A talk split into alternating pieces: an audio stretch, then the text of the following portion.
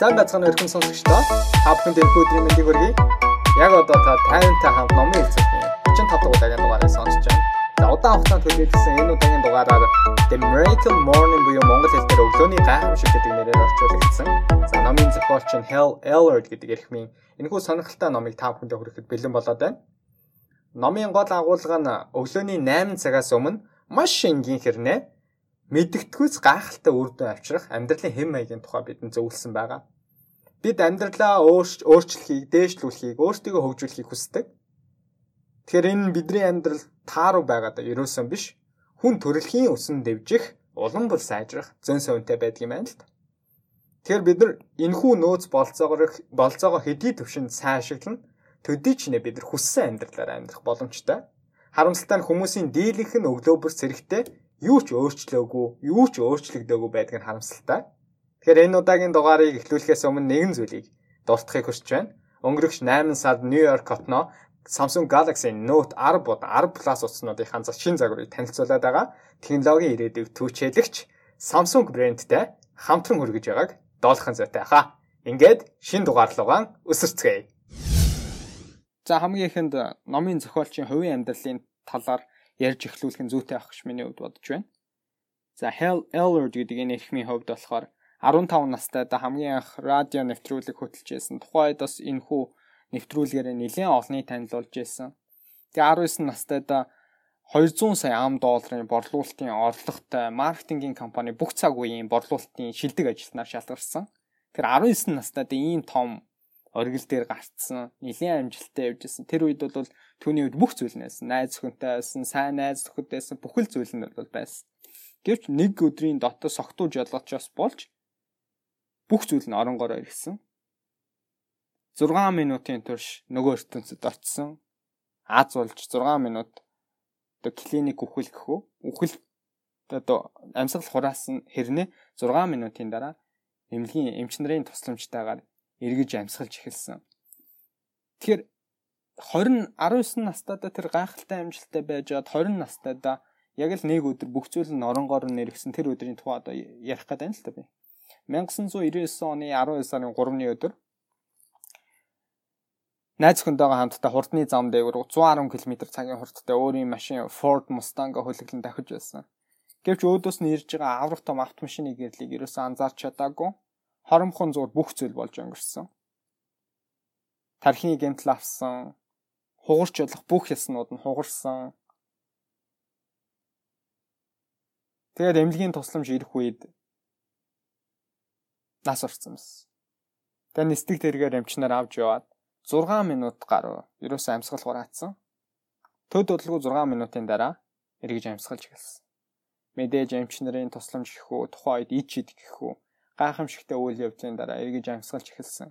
Гэвч амьсгалж эхэлсэн ч гэсэн тухайн үед эмчнэр энэ энэ хүн бол дахиж хизээш хөл дээр алахгүй гэж хэлж байсан. 6 өдрийн турш ухаангүй хөвцсөн байт юм байлаа. Осолд ороод эмнэлэгт очсны дараа.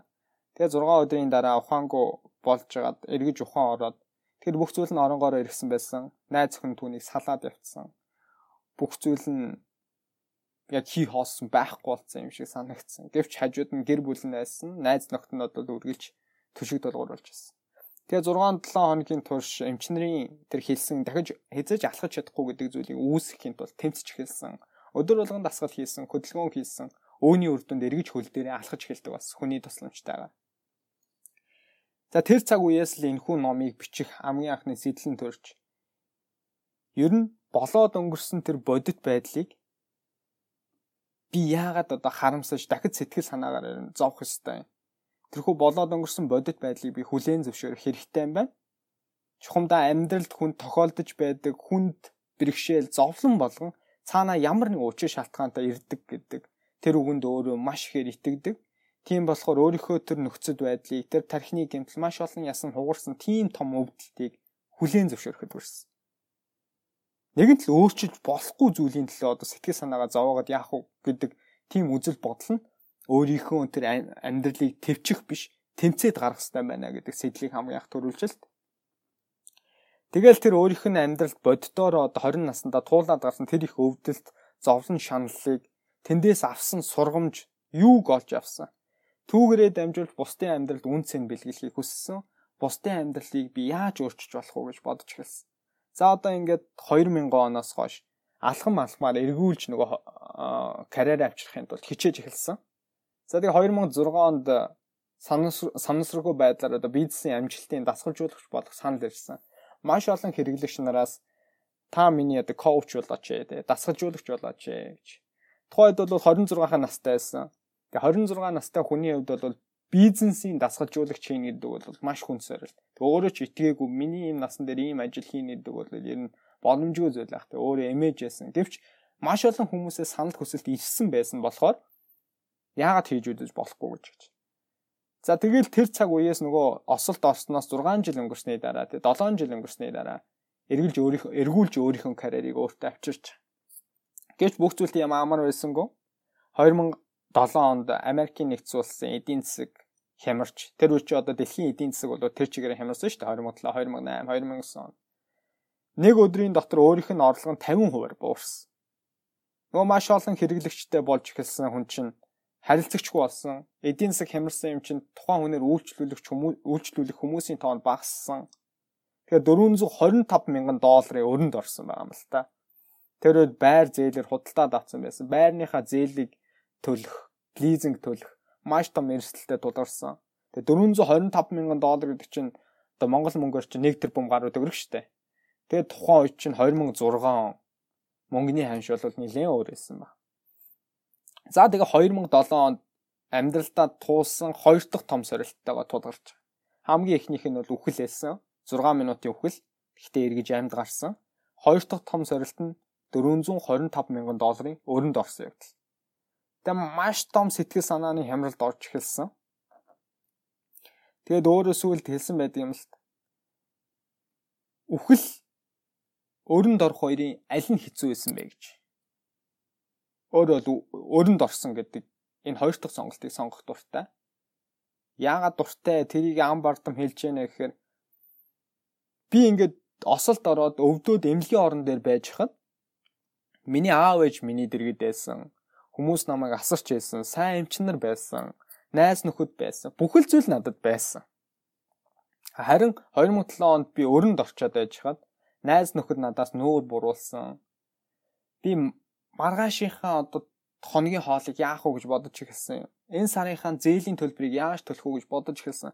Бүхэл хүмүүс надаас нэгсэнд зайга барьж эхэлсэн. Тэгэхээр миний энэ амьдрал бол 100% миний хариуцлага юм байна л гэдгийг тухайд ойлгосон гэж байгаа байхгүй. Өөр хинч надад туслах хэсэг юм байна. Би өөрөө л энэ цаад бэрхшээл энэ зов сэтгэлийн зовлон би өөрөө л сэтгэлийн хүчээрээ даван туулж гарах хэрэгтэй юм байна гэдэг зүйлийг тухайд ухамсарласан болохоор хоёр дахь удаагийн тэр цохилт бол өөрт нь маш хүнд туссан гэж өөрөө хэлэх дуртай. За тэгээ 2008 онд амьдрал нь буцаа сайжирсан. Тэгээ тэрэнд нь юу нөлөөлсөн тухай одоо би ярих гэдэг юм л. Жилийн дотор одоо амьдрал нь эргээгээд нэг одоо эн чинь дандаа уналт басалтын л үеийн яваад шүү дээ. 2008 он тэр их өрнөөс буцаж яаж гарч ирсэн бэ гэхээр нэг найзтайгаа уулзч л дээ. Тэгээ нөгөө найзтаа бүх зовдон гарсан. Өөр хиндэж яриаг байж тэр өдөр найзтаа зүгээр санамсаргүй байдлаар хүн чинь бүр аргаа бараад өөрийнхөө бүх зовдон ярьж шээ.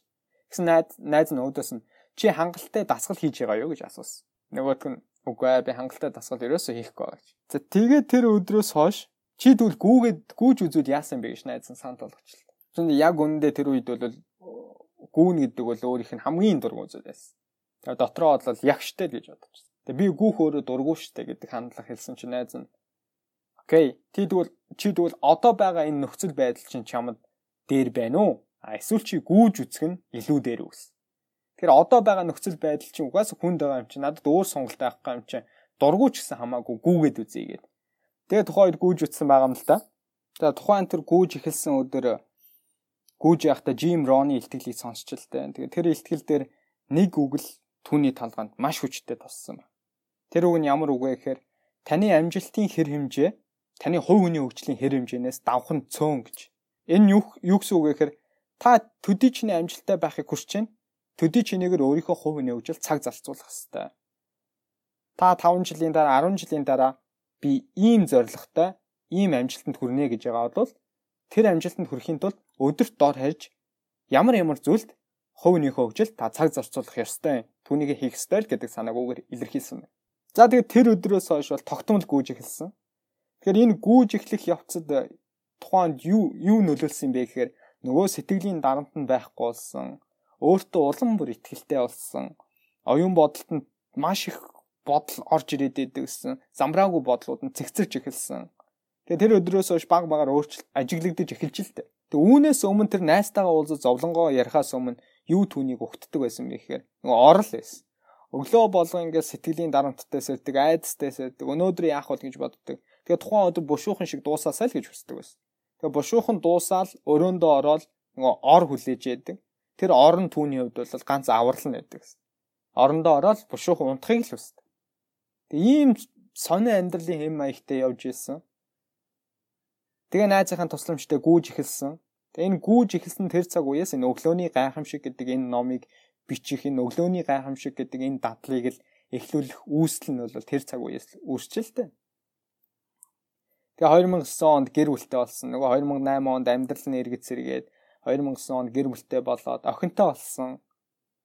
Тэр энэ номын гол агуулга нь яг юу хэлэх гээд байгаа юм бэ гэхээр хэрвээ чи шийдсэн л бол ямар нэгэн арга олддог л аахгүй тий. Хэрвээ чи шийдсэн л бол хаа хаа нэгтээс найз нөхдөсөө ч юм уу уулзж байгаа л тухайн асуудлыг шийдэх арга олддог. Тэгэхээр амьдралтайгаа чи халз халз нүүр тулах хэвээр. Хэрвээ чиний амьдрал ямар нэгэн хүнд нөхцөл байдлаагаа л түүний даван туулах боломж ил үргэлж хаанагтай байдаг юм шүү. Тийм болохоор ямар нэгэн амьдралдаа өөрчлөлт хийх хүсэж байгаа хүн болгон байх юм бол одоо наашаага илүү ойртож суугаад энэ подкаст илүү тав дахьтай хоёр нүдээ бүлтийлгээд анхааралтай сонсоосоо гэж хүсэж байна. Одоо яг номынхон нарийн хэсгүүд рүү буюу гол хэсгүүд рүү би орох гэж байна. За хамгийн хэсэг нэг нь болохоор та өөрийн нөөц бололцоогоо бүрэн дүүрэн ашиглаж сэрэг цаг боллоо гэдэг үгээр эхэлдэг. Хүн болгонд өөрийн гэсэн мөрөөдлийн амьдрал байдаг аа. Хүн болгон л би яг тийм амьдралыг хүсэж байна гэж боддог. Тэгэхээр энэ өглөөний гайхамшиг хэрэгжүүлэгч хүмүүс энэхүү дадлыг хамгийн ихэнд бий болгохын тулд ямар хэм маягтай вэ? Ямар хандлагатай байсан бэ гэхээр одоо чинь шинэ жилийн өглөө уурч байна гэж бодъё л. Бид нар хүүхэд байхдаа шинэ жилийн өглөөг маш их хүлээдэг гэсэн шүү дээ. Маргааш өглөө шинэ жил болно гэж бодоод гэртээ ганцаараа үзэн аав ээжээс бэлэг аавна. Тэгээд уурч нь баг нойр хөрдөг хондог гэсэн шүү дээ. Одоо ч магадгүй том болсон ч гэсэн тийм догдол хүмүүс байгаа. Тэгэхээр өглөөний гайхамшиг хэрэгжүүлэгч хүмүүс бол яг л тийм сэтгэлгээтэйгээр унтдаг. Маргааш өглөө хурдан бодлосоо тий. Өөрийнхөө энэ өглөөний гайхамшигыг эхлүүлэх хийсэн. Гэж маргаашийнхын дадлыг, маргаашийнхаа хийж бүтээх зүйлийг ингэж төлөвлөөд тэр тэрийг хийхийг бүр тест чадаад орондоо ордог. Тийм хэвшмэл хэвшмэл дадалтай болсон. Тэгэхээр энэ хүү өглөөний дэглэмээ өөрчлөх буюу өглөөний 8 цагаас өмнө энгийн хэрнээ маш гайхалтай үр дүн авчрах үз энэ дадлыг бий болгож чадсанараа та амьдралаа арай өөр төвшөнд аваач хөшүүрэг болох юм шүү гэдэг санааг хэсэг нэгээрээ бол хүргэсэн байна. За дараагийн хэсэг нь бол за ямар ямар дарааллаас энэ өглөөний гайхамшиг гэдэг зүйл чи үүсээд байгаа юм бэ? Ямар ямар дараалсан үйл явдлын үр дүнд өнөөдөр үүсчээд байна гэдэг зүйлийг хэлсэн. Би ерөнхийдөө гол үүслүүдийнх нь учир шалтгааны нь бол түрүүнд дууссан. Амьдралд нь бол маш олон цөхрлүүд байсан. Тэр дундаас хамгийн онцлог хоёр зүйл нь бол үхэл, хоёр дахь нь өрөнд орсон. Тэг хамгийн залуу насндаа ийм хоёр удаа тартагтаа тулна гэж ярьдаг шүү дээ. Хүн нөхцөл байдалд орцсон. Тэр нь өөрөө маш том сургамж болсон. Түүндээ бууж өгөөгүй. Түүнийг хүлээн зөвшөөрөөд би тэгвэл энэ бүхний ялан гараад өөрийн гараараа бүх зүйлийг бүтээж чадна гэдэг ухамсар итгэл үнэмшил байсан болохоор энэ өглөөний гайхамшиг гэдэг зүйлийг бол үүсгэж чадсан юм а гэж өөрөө хэлэх дуртай. За тэгээ эхний сорилт нь энэ өглөөний гайхамшиг эхлүүлэх эхний сорилт нь юу байсан бэ гэхээр цаг гаргах байсан. Тэгэхээр нэгэсэндээ хувийнхөө хөгжил зарцуулах цаг гаргах хэвээр тийм э, шаардлага өөрчлөлттэй өөрт нь. Тэгээ тухайн үе чи 2007 онд маш их өрөнд орцсон. Нөгөө өрөө төлөхийн тулд өдөр шөнөгүй ажиллах шаардлагатай тийм нөхцөл байдалдайсэн хүн чинь одоо гүүж эхлэн өглөөийн өглөөдөө ийм дадал хэвшүүлнэ гэд хэлэнгүүт чинь тухайн чи гайхна өстэй надад үнэндээ тийм цаг адаг те өдөр шингүү би өстө завгүй байна өрөө төлөхийн тулд надад үнэхээр өстө орондооч бүтэн 7 цаг унтах цаг зав алга гэдэг сэтгэлгээтэй ажилтай. Тэгээ тухайн үед э, өөрт нь нэг юм сонирхолтой үг орж ирсэн ба. Тэр нь одоо бестселлер зохиолч одоо Matthew Kelly-гийн амьдралын хэмнэл гэдэг номон дээрээс нэг талаараа бид бүгдээрээ ад жаргалтай байхыг хүсдэг. А нөгөөтэйгүр ад жаргалтай байхыг юу бидний бидний ад жаргалтай болгодгийг мэддэг. Гэвч бид тэдгээр зүйлсийг ерөөсөө хийдэггүй. Яагаад? Их энгийн хариулт нь бид зүгээр л завгүй байдаг. Юу хийгээ завгүй байдгийм бэ? Ад жаргалтай болох гэж завгүй байдаг. Тэр маш сонио хэрнээ их хаширалтай үг байгааз. Тэгэхээр бид нар өдөр тутмын амьдралдаа би завгүй байна, өнөөдөр амар ажилтай байна гэж хэлдэг хэрнээ чамайг ад жаргалтай болох чиний амьдралыг өөрчлөх зүйлд ерөөсөө цаг зарцуулдаггүй юм байна. Чиний амьдралыг юу өөрчлөхийн, чамайг юу ад жаргалтай болгохын гэ эргүүлээ асуугууд хүмүүс маш тодор хариулж чаддаг. Гэтэл түүндээ цаг зарцуулдаг. Тэгэхээр энэ өөрөө гол шалтгаан нь болсон. За тэгээд энэ хамгийн анхны энэ дадлыг хэвшүүлэхэд хувийн хөгжил хөгжилдөө одоо цаг гаргах болчиход байна шүү дээ. Тэгэхээр би хувийн хувийнхээ хөгжил цаг гаргахын тулд яг 24 цагийг аль цаг нь надад илүү тохиромжтой бэ гэдэг зүйлийг өөрөө гаргах шаардлагатай болсон. Тэгээ өдөр нэг хийж үзье гэсэн. Их ажлын хажуугаар бүтэхгүй маань ороо хий гэсэн. Өдөрж ажилдаа яваад ороо ингээ эрч хүчгүй болцсон үед бол хийнэ гэж бүр худлаа гэнэ. За тэгээ ганц үлдэж байгаа хамгийн боломжтой сонголт нь өглөө байсан. Өөрөө бол эртэж хүн ерөөсөө биш байхгүй энэ номын зохиолч нь. Гэтэл би өдөрт хувийнхөө хөгжил доор харж ямар нэгэн байдал нэг цаг зарцуулахгүй бол энэ хүнд байдлаас ерөөсө гарахгүй гэдэг тийм ухамсартай болчлаа шүү дээ. За тэгээд өглөөний 5 цагт борч эхэлгээ шийдсэн. Нөгөө эртэж хүн би бишээ гэсэн хязгаарлалтаа давж эхэлсэн. Би ерөөсө тийм хүн биш гэж хүмүүс тэгдэг шүү дээ. Ямар нэгэн зүйл хийх гэж шалтак тоочдөг. Харин тэр зүйлээ давж гараад өглөө 5 цагт борч эхэлж байна. Тэгэхээр нөгөө гүйгээд хамгийн эхлээд найзынхаа зөвлөгөөр гүйгээд гүйж явахдаа тэр сонссон тэр Jim Rohn-ийн илтгэлийн хэсгээс ер нь хувь хүнийхээ хөгжил би цаг зарцуулахгүй л бол амжилттай байна гэж байхгүй байна. Энэ хүнд хэцүү үе давна гэж ерөөсөө байхгүй байна гэдэг бодол тархинд суусан учраас өдөрт дор хаяж нэг цагийг юм уу түүнээс дээс цагийг хувь хүнийхээ хөгжил зарцуулах хэрэгтэй байна гэдэг зорилгыг тавьчихад байгаа байхгүй зохиолч явд. Тэгээд өнөөдөр 24 цагийнхаа яг аль цагт нь би өөрийнхөө хувь хүний хөгжил цаг гарах вэ гэдэг зүйлийг тодорхойлох гэдэг нь шүү дээ. За тэгээд 5 цагт борч эхэлсэн. Эхний үеүүдэд бол маш хүндрэлтэй байсан. Гэхдээ энэ зүйлүүдийг даваад явсан. За хоёр дахь зорилт нь юу байсан бэ? Өглөө борчлоо. Одоо хоёр дахь зорилт нь нэг цагийн хугацаанд би чухал хамгийн чухал зүйлүүд нь юу байж болох вэ? Би нэг цагийн хугацаанд юун дээр цаг зарцуулах уу гэдэг асуулт байсан. Өглөө нэг цагийг босоод хий дими өнгөрөөчих юм бол хайрын цаг шүү дээ. Тэрнийхээ оронд унтаж исэн дээ. Тэгэхээр хоёр дахь зорилт нь би юун цаг зарцуулах уу гэдэг зүйлүүдэд жигсааж үтсэн. 6 зүйл гарч ирсэн.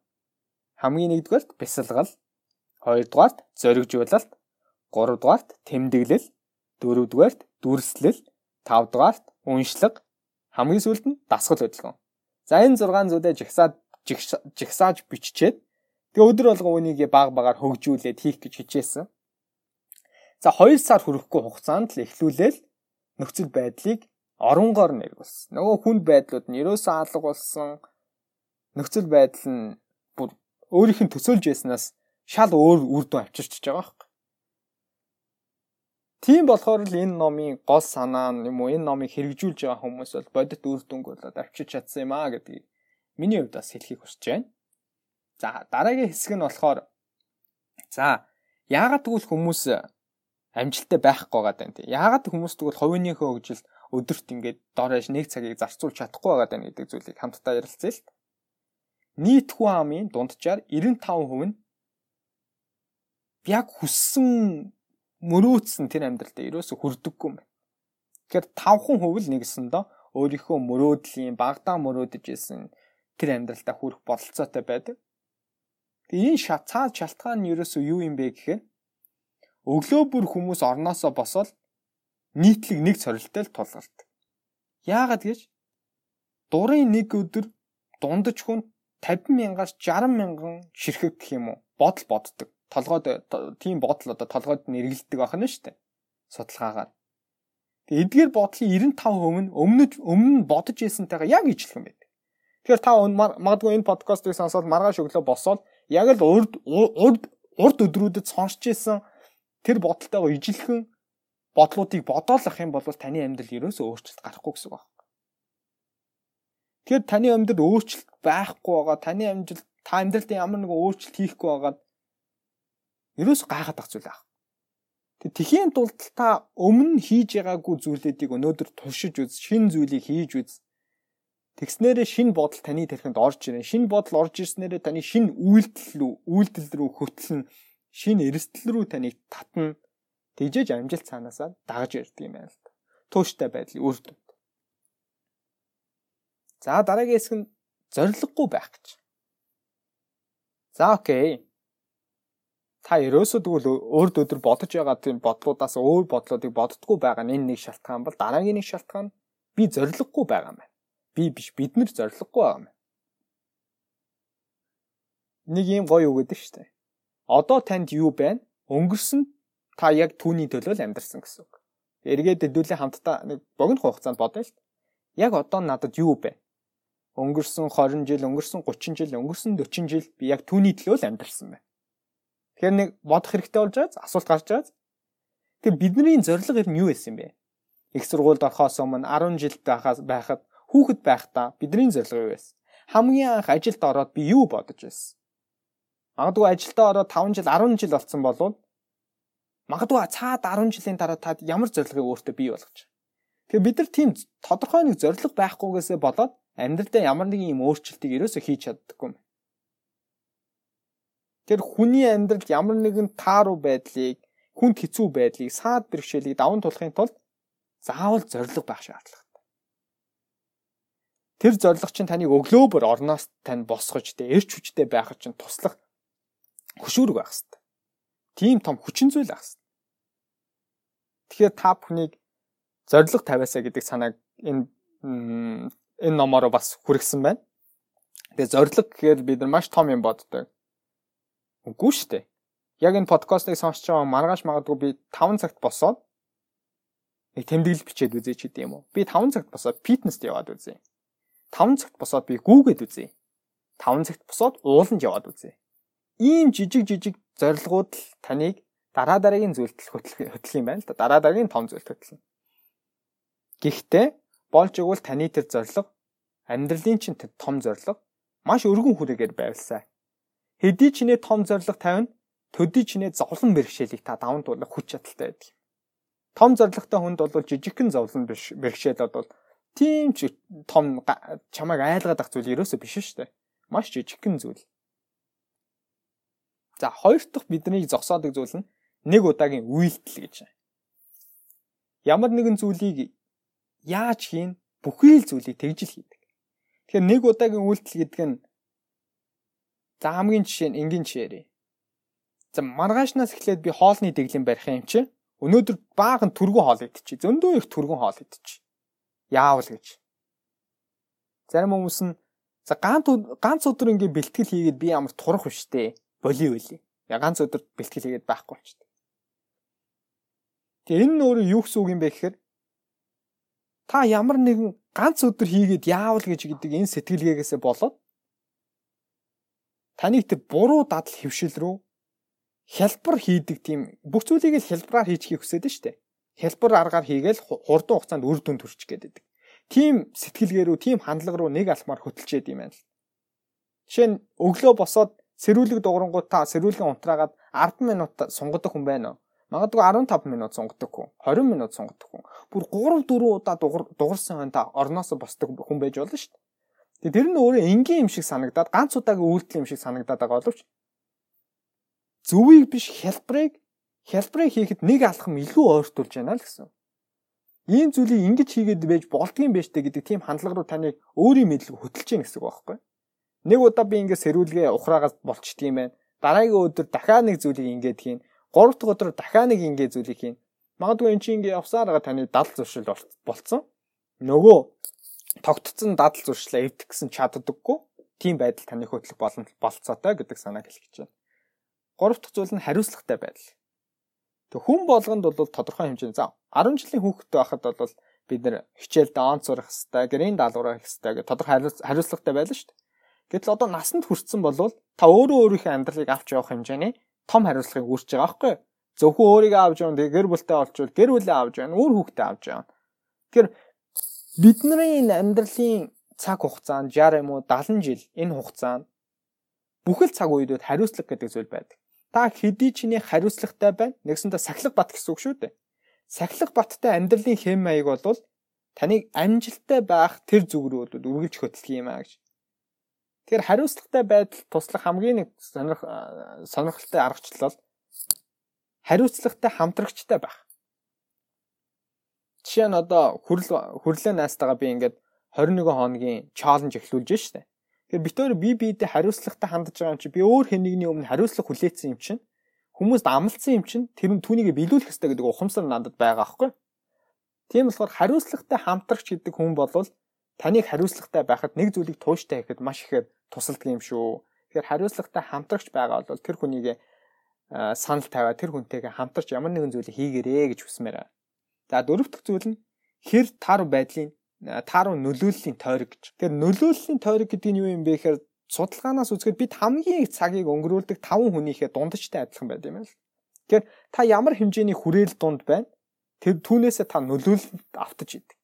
Таны хүрээллийн хүмүүс чинь хувийнхөө хөгжил цаг зөрчүүлэх дургу өөрийгөө өсөж хөгжүүлэх амьдралаа өөрчлөхийг ерөөсөө хүсдэггүй одоо байгаа зүйлдээ сэтгэл хандсан байгаа бол та яг л нэг л мэдгэх тийм л байдалтай болцсон байна эргэн тойрны найз нөхөд болон хамт олон ажиллаж байгаа хүмүүстэй яг л тийм болсон байна. Тэгэхээр эргэн тойрны хүрээлэлээ та үргэлж анзаарч байгаарэ. Энэхүү нөлөөллийн тойргоо та шинчилж байгаарэ. Сайн нөлөөллийн тойргоор өөрийгөө бүрдүүлж байгаарэ гэдэг санааг хэлхийг хүссэн. Тав дахь зүйл нь хувь хүний хөгжлийг орхигдуулах гэж. За, ер нь бол хэлэх гээд байгаа гол санаач ирдвэл энэ шүү дээ, тий. Бид нар хувь хүнийхөө хөгжил цаг гаргаж чадахгүй бол хизээ нөгөө өдөр зовлон бэрхшээлд хүчээр цаг зарцуулах цаг заавал гарна. Энэ нэг чухал үг шүү. Та өнөөдөр хувийнхөө хөгжил цаг зарцуулааг бодвол 5 жил 10 жилийн дараа зовлон бэрхшээлд цаг зарцуулах болчихдээ. Жишээ нь 10 жилдээ бид нэр их сургуультай англи хэлийг яагаад сурахгүй яа гэж хүн болго ялдаг шүү дээ. Ажил дээр гараад нөгөө англи хэл нь маш их хэрэгтэй болтой. Би нэг их сургуультай сурахгүй юу хийж ийсэн болоо гэж ярьж байгаа маш олон хүмүүс байгаа. Тэгэхээр бид нэр өөрсдөө зөв цаг үед хувийнхөө хөгжил цаг зарцуулж чадаагүй болоод Тэр хонь тэр алдагдсан цаг хугацаагаа нөхөх хэрэгтэй болчихж байгаа. Ажлын цагаас гадуур дахиж илүү цагаар сууж ажиллах шаардлага гарч байна. Гэр бүлдээ зарцуулах цаг байх ёстой байдал тэр цагта өөрийгөө хөгжүүлэх нөгөө л англи хэлээр хөгжүүлэхэд цаг зарцуулж байна. Гэтэл бид нар энэнийг аль үжи 10 жил их сургуульд авах сурчих ёстой зүйлүүд байхгүй боломжтой байсан. Гэвч тэр үед бид нар цаг зарцуулаагүй. Энэ санааг бол хэлхийг хүссэн байна. За одоо хэсэг 3 руугаа оръё. Энэ ном маань нийт 10 хэсэгтэй. За 3 дахь хэсэг нь бол сэтгэл шудуудах гэдэг хэсэг байна. Өөрөөр хэлбэл өнөөдрөөс эхлэн та юуг өөрөөр хийж эхлэх тухай шийдвэрээ гаргана гэсэн үг л дээ. Тэгэхээр өнөөдөр би ийм зүйлийг хийж эхэлнэ. За магадгүй өнөөдөр шүү. За маргааш нас гэж. Бид нар ингээд шинэ оны эхэнд 1 сарын 1-ээс л учиргүй их чагсаад юм чагсааж үчил. За би энэ онд ийм ийм зүйл хийнэ гэж чагсаал гаргадаг шүү дээ. Гэт яагаад заавал өдөр болгон 1 сарын 1 байж болохгүй шүү дээ. Заавал ягаад шинэ он гарахыг бид нар хүлээх ёстой гэж. Хэрвээ та дотроос шийдсэн лагаа бол яг юу хийх чинь шууд тодорхой болоод маргааш настаа эхлүүлэх боломжтой байхгүй. Тэгэхээр өнөөдрийн энэ байга байдлаа өөрчлөн гээд байгаа байгаад байгаа санаа маань таныг ингээд муу байна, тааруу байна тий та бусдаас муу байна тий ялгадах юм алгаа гэсэн үг ерөөсөө биш дээ. Энэ тааруу байгаа байдал гэдэг чинь бусадтай жишг гээд байгаа зүйл ерөөсөө биш аахгүй. Зөвхөн та өөрөө өөрийнхөө төвшин өөр өөр тайвнаа гэдэг юм одоо сонсогч хэн та одоо хэн байдгийг тэр өөр төвшний хүнийг л бүтээхийг л яриад. Тэр өөр хэн нэгэнтэй өөрийгөө харьцуулах зүйл бол ерөөсөө биш. Тэгэхээр өчигдрөөс илүү өнөөдөр би илүү байх хэвээр. Дор хаяж 1%. Заавал 0.1% илүү байх хэвээр. Энэ л бидний амьдралын гол зорилго байхгүй юу? Өсөж дэвжих, хөгжих. Тэгээд тууштай байх ямар нэгэн зүйлийг эхлүүлсэн бол түүнийгээ дуустал үр дүнгийн гартал тууштай явах хэрэгтэй. Тэгэхээр энэ өөрөө бидний гол хэлэх гээд байгаа санаа юм шүү гэдгийг та бүхэнд хэлхийг хүслээ. Тэгэхээр хувийн хөгжил цаг зарцуулна гэдэг нь л өнөөдрөөсөө илүү нэг хуваар маргааш илүү байя. Тэгээ тууштай байя. Тэгэхээр чи энэ насан туршийн зүйл байгаас бид нар насан туршдаа л өсөж дэвжээл хөгжөөл явсараа явсараа явсараа байгаа л нас эцэлнэ. Тэгэхээр өглөө сэрээд өчигдрөө давтдаг биш. Өглөө сэрээд өөр нэгэн шинэ өдрийг эхлүүлж чаддаг. Тийм нэгэн байгаасай л гэдгийг танаас хүсэж байгаа. Тэгэхээр энэ ном буюу өглөөний гайхамшигын тусламжтайгаар өөр амьдралыг бий болгох тийм сэтлийг танд өгөх байхаа гэж найдаж байна. Тэгээ номын бол эхний ерөнхийдөө би гурван хэсэгт базаж ярих гээд байгаа. Тэгээд хамгийн эхний хэсэг бол Ер нь яагаад энэ номыг бичих болсон юм? Номын гол санаа нь юу юм? Энэ өглөөний гайхамшиг гэдэг зүйлийг эхлүүлэхэд бид нар ямар ямар сорилтуудыг даван туулах хэвтэй. Тэгээ авчрах үр дүн нь юу юм? Тийм зүйлийн тухай ярьлаа. За одоо 2 3 дугаар хэсгүүд бол илүү нарийн аргачлалуудын талаар миний хувьд ярих байгаа. За одоо яг номынхоо 2 дахь агуулгын хэсэг рүүгээ яг одоо орох гэж байна. За энэ хэсгийг эхлүүлэхээс өмнө та бүхнээс би нэгэн асуултаар эхлүүлэхийг хүсэж байна. Та өнөө өглөө яах гэж боссон бэ гэж. Та үнэхээр хүссэн учраас би үнэхээр босмоор ингээд тий урам зоригтойгоор боссон уу? Айл эсвэл зүгээр яг босох шаардлагатай байсан. Би ажилдаа 9 цагт очих хэрэгтэй байсан ч гэдэг юм уу? Би 9 цагт хэн нэгэнтэй уулзах хэрэгтэй байсан гэдэг шалтгаанаар орноосоо арай хийм болсон уу? Энэ асуултыг асуугаа та өөртөө хариулаасаа гэж би хүсэж байна. Тэгвэл дийлэнх тохиолдолд ихэнх хүмүүсээс хэрвээ танд боломж байсан бол те ихэнх хүмүүс буцаад унтах байсан баг те. Магадгүй та 9 цагт ажилгүй байсан бол сэрчээд за дахиад жоохон унтчих гээд унтчих магадгүй. Дийлэнх хүмүүс. Тэгэхээр өглөө босхын утга учирын тухай би дараагийнхаа энэ хэсэгт номынхоо энэ агуулга дээр ярихыг хүслээ. Тэгэхээр сэтгэл гутралд орсон ихэнх хүмүүсээс өглөөгөр хамгийн хэцүү байдаг гэдэг зүйлийг хэлдэг юм байна л да. Тэгээ өглөө босно гэдэг бол тэр хүмүүсийн хувьд бол хамгийн хүнд давна. Тэгэхээр энэ нь юу гэсэн үг вэ гэхээр тэр хүмүүс нэгсэнд өдрөөс өдөрт өдөр ирэх тусам ямар нэгэн байдлаар аргацааж амьдардаг. Тэр өглөө эрт босох тийм нэг сэдэлгүй гэх юм уу тийм уран зориггүй байна гэдэг бол нэгсэн лөө би амьдрахыг хүсэхгүй байгаа нэг бол бүрэн дүр амьдрмааргүй байгаа гэдэгтээ ялгаагүй гэж номын зохиолч маань хэлсэн байна л. Тэгэхээр хэрвээ та амьдрахыг хүсэж байгаа бол ямар нэгэн зүйлийг эрч хүчтэйгээр зоригтойгоор биелүүлэхийг хүсэж байгаа бол өглөө та маш эрч хүчтэйгээр хүсэл тэмүүлэлтэйгээр сэрэх ёстой гэдэг зүйлийг номынхаа энэ хэсэгт хэлсэн байна. Тэгэхээр өглөө бид нар ер нь яаж босох юм бэ гэдэг зүйлийг хэлэх гээд. Тэр өглөө болгоны магадгүй за маргааш би дахиад ажилтаа маргааш битгий болоосэй гэж бодоод орой орондоо ордог ч юм уу. Тийм бол маргааш та маш тийм нэг стресстэй цөхрөлтэйгээр маргаашиг өглөө ингээ угтд юм байна л. Тэр өглөөг та тийм цөхөрсөн мэдрэмжээр эхлүүлсэн юм чи яах вэ? Өдөр чи яг тийм байдалтай байж эцэст нь ингээл санаа зовнилтай сэтгэл чинь ямар нэгэн байдлаар гутралд орцсон. Тэгээд одоо нөгөө өдөр чинь бүх л өдөртөө тийм өдөр чинь тийм сэтгэлийн ямар нэгэн асуудалтай байгаад байгаа хүн чинь яах вэ? Ажил тадлаа, гэртээ очлоо дахиад нөгөө орондоо орохдоо маргааш дахиад би нөгөө ажилдаа явна. Маргааш би дахиад өглөө эрт босно гэдэг сэтгэлийн дарамттайгаар орондоо орд юм байна л. Тэгэхээр энэ нэг чөтгөрийн тойрог гэх юм уу энэ хөвшмөл байдлаа бид нар өөрчлөхгүй бол энэ бол хизээж дуусна гэж байдаггүй. Тэр өглөө бүр сэрэх өөрийнхөө энэхүү аргачлалыг бид нар өөрчилснөөрөө бүх зүйлийг таны амьдрал тухайн өдөр тохиолдож байгаа бүх зүйлийг та өөрөө өөрчлөх боломжтой. Тэр өглөө бид нар яг хэрхэн ухтах хэвтэй юм бэ? За мэдээж энэ асуултыг хариулахаас өмнө өөр нэг асуултанд бид нар бид нар хариулах шаардлагатай болж байна. Тэр асуулт нь юу гэхээр танд яг хэдий хэмжээний нойр хэрэгтэй вэ? За энэ асуултыг магадгүй мэрэгчлийн юм уу мэрэгчлийн хүмүүс юм уу шинжлэх ухаанч судлаач хүмүүсээс асуух юм бол тогтсонтой ерөөсөө байхгүй гэж хэлэх баг. Бид нар магадгүй дийлэх нь л 7 цаг унтах хэвээр 8 цаг унтах хэвээр гэж.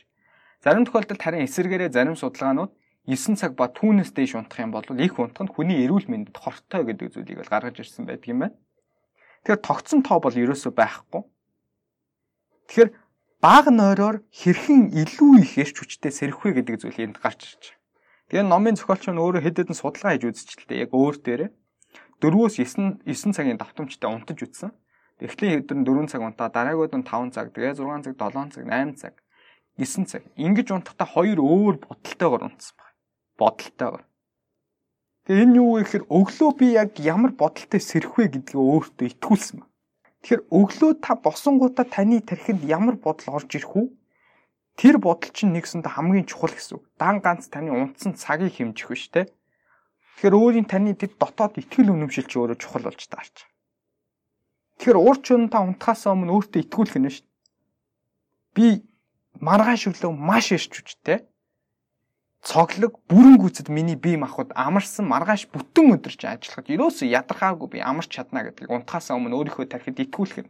Тэгэхээр энэ далд ухамсараараа миний тархи чи өөрөө ингээ итгэцэн юм чи маргааш өглөө би босоход яг тэр бодол маань надад нөлөөлнө гэсэн.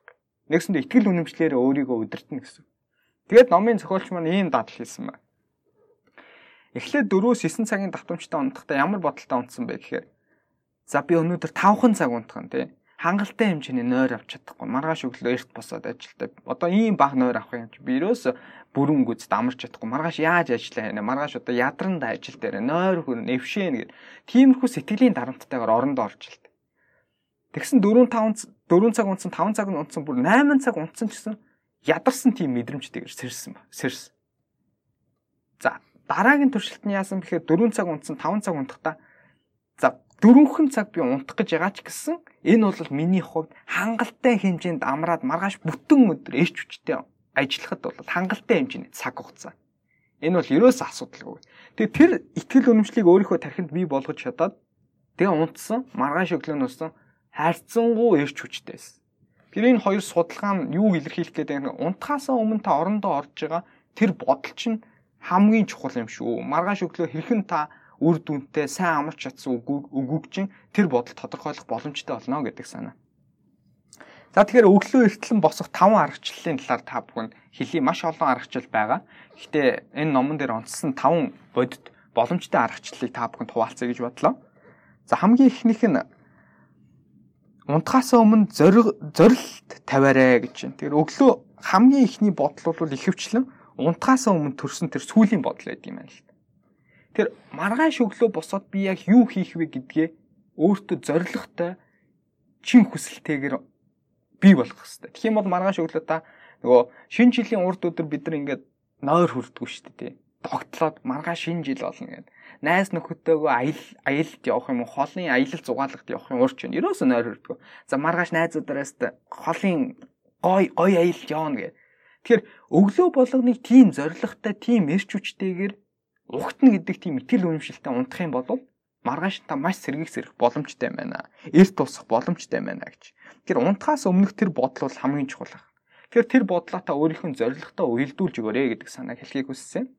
За алхам хоёр нь болохоор сэрүүлгээ өрөөнийхөө нөгөө булан тавиарай гэж. Энэ нь юу гэсэн үг юм бэ гэхээр хөдөлгөөн бол хүнд эрч хүчийг өгж яадаг зүйл. Тэгэхээр магадгүй та нөгөө нөгөө буландаага сэрүүлгээ очиж унтраахын тулд орноосоо босох шаардлагатай болно да. Тэгэхээр та тодорхой хэмжээний хөдөлгөөн хийж байгаа болохоор танд эрч хүчийг өгөх боломжтой. Тэгэхээр та нойрноосоо түргэн хугацаанд сэрэх боломжтой гэсэн санаа.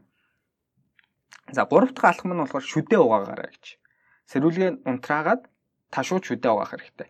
Энэ нь яаж вэ гэхээр та тархиа ажилуулах үйлдэлээс нэгсэндээ зайлс хийж ийн гэсэн үг байна. Бие махбодоо сэрэх сэрхэх тийм тодорхой хэмжээний хугацаа өгж ийн гэсэн.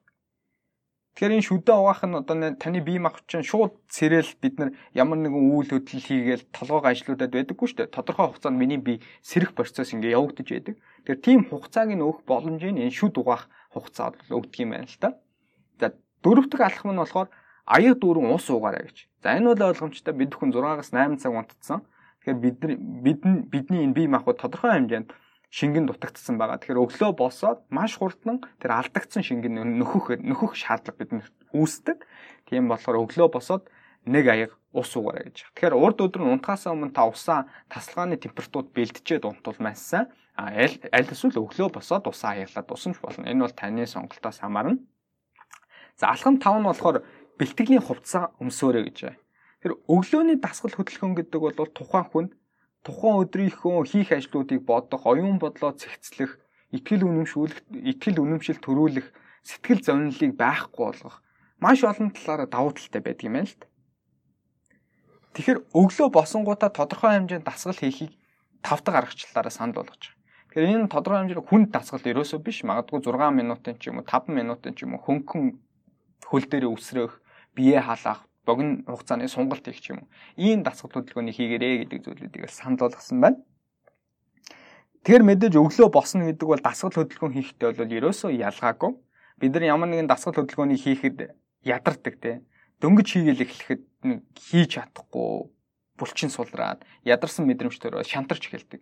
Гэтэл дасгал хөдөлгөөний эхлүүлээд 20 минут 30 минутын дараа бие махбод маань харин эсэргээд сэргэж эхэлдэг. Тэр үүнтэй адилхан өглөө босно гэдэг бол маш хүнд та бүхний одоо яг зовлонг бол маш их ойлгож байна. Өглөө эрт босдог, сэрүүлэг дуурдаг, сэрүүлгээ унтраагаал дахиж 10 э, минутын дараа дахиж дуурдаг, дахиад унтраалаа бүр босох боломжтой хамгийн цаад хугацаан дээр очиж иж нэг хүчээр босдог. Тэгэхээр энэ хүчээр босох энэ үйлдэлүүдийг, энэ бэрхшээлүүдийг та даван туулснараа 1 сарын дараа 2 сарын дараа энэ нөр маш хэлбэр зүйл болоо танд эсрэгээр өглөө босох тийм эрч хүчийг өгөх дадлыг бол танд твшүүлэх боломжтой юм шүү гэдэг санааг танд төрүүлсэн байна. За одоо харин дараагийн миний ярих зүйл бол нөөц болцооны зааг гэдэг зүйлийг хэлэх гэж байна. Өглөө босох 5 аргачлалын тухай танд хэлчихлээ. Тэгээ нөөц болцооны зааг гэж юу юм бэ гэж. Номынхаа хамгийн ихэнд би хэлсэн Хүн болгон бол өсөж дэвжих амьдралаа өөр төвшөнд аваач хүсэл эрмэлзэлтэй байдаг.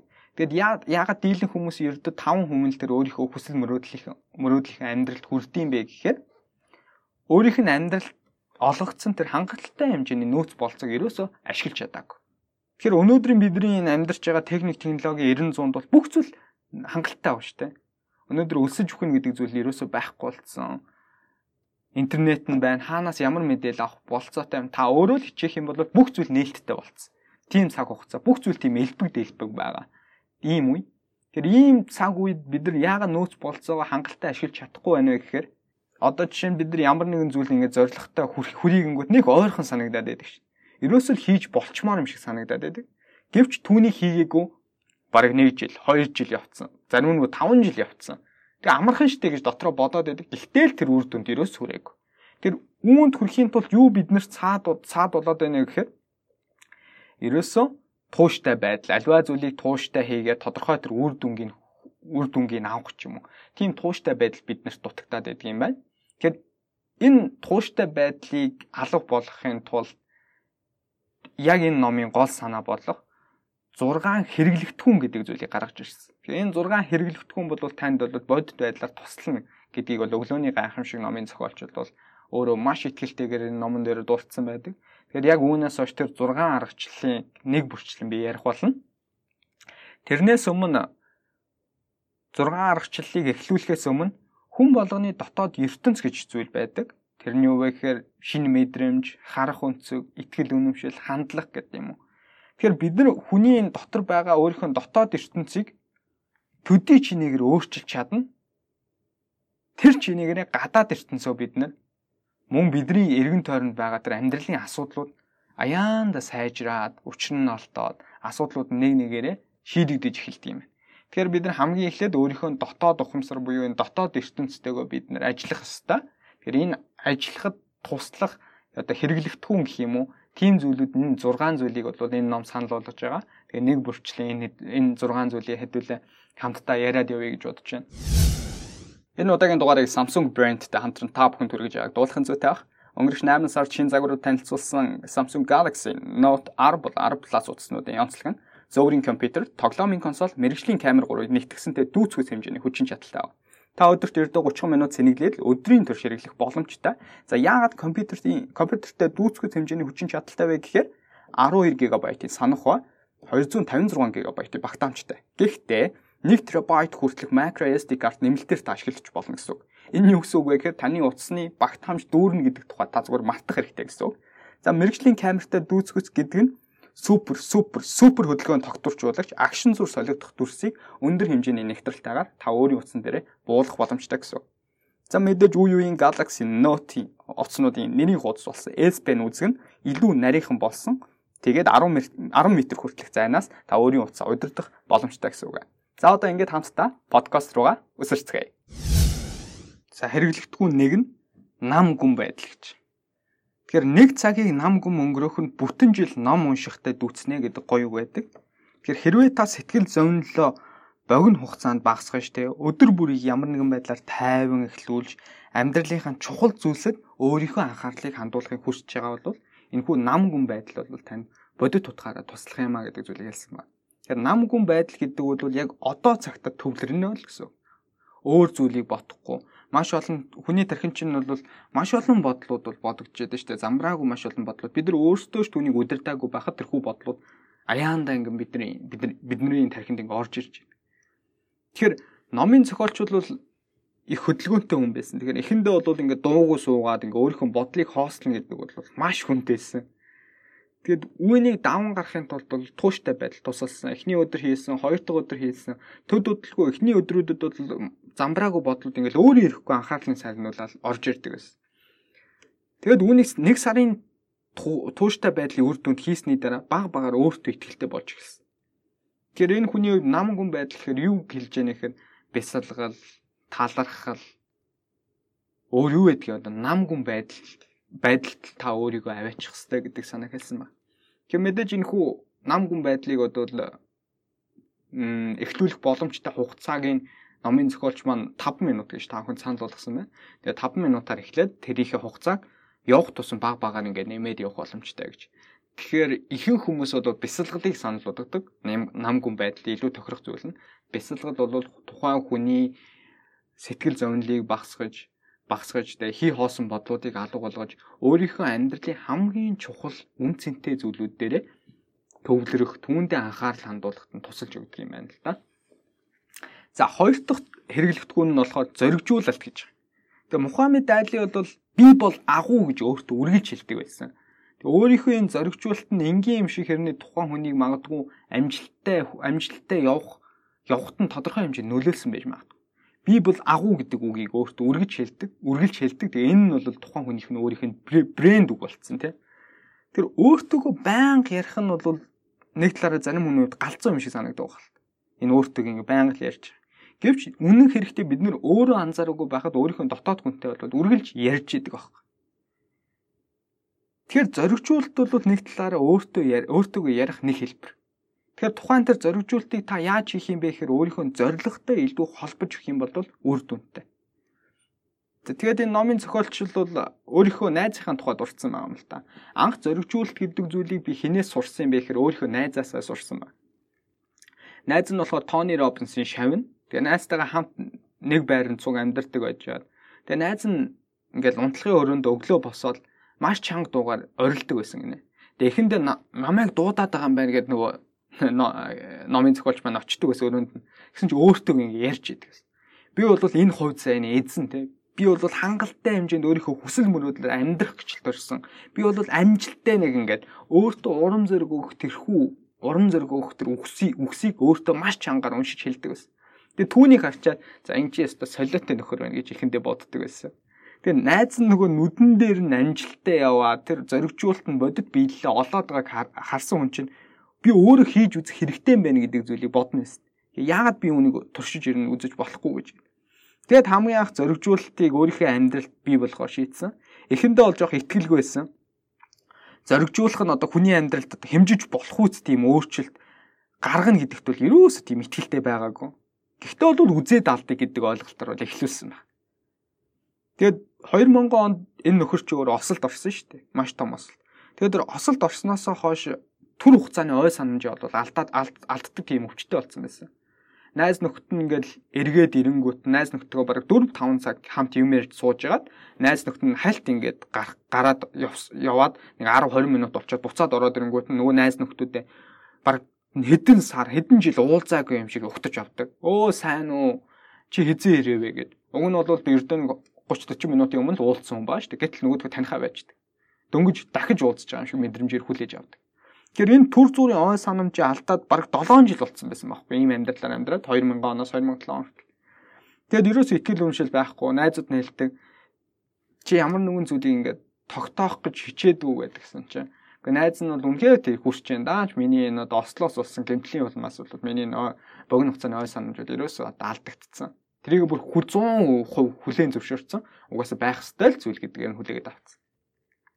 Тэгэд энэ ой санамжийн богино хугацааны ой санамжаа би алга болгоё гэдэг зоригжуулалтыг өөртөө цаасан дээр бичсэн байна. Би бол энэ өвчнийг бол эдгэж чадна. Миний тарих бол өөрөө өөрөө энэ хүү өвчлөлийг ангаах өвдөстэй, ич иттэй. Би дахиж энэ богино хугацааны ой санамж гэдэг зүйлийг ерөөсөө авч хилэлцэхгүй би үүнийг одоо мартах бодлоо би бол богино хугацаанд бүгдийг сандаг сэргэлэн ой санамжтай нэгэн байх болно гэж өөртөө маш уртаас уртаас урт тийм зоригжуулалт бичээд Тэгээ түүнийг өөртөө өглөө болгон чанга дуугаар уншиж эхэлсэн. Тэгээ нэг өдөр нэг найз нь чи найз руугаа залгаарай гэж хэлж илтээ. Номын зохиолчд. Тэгсэн чинь тэгэлгүй яах вэ? Найз нь залгана асуудал гоо гэсэн. Яг тэр үгийг хэлснийхээ дараа шууд өөрөө ойлгож эхэлсэн. Вау, гайхалтай. Бодит үр дүн гарч штэ тий. Нөгөө би өөртөө ихтгэл үнэмшилгүй байсан нэг чи өөртөө ихтгэлтэйгээр хэлж штэ. Найз нь санаад чам руу эргүүл залгана гэж.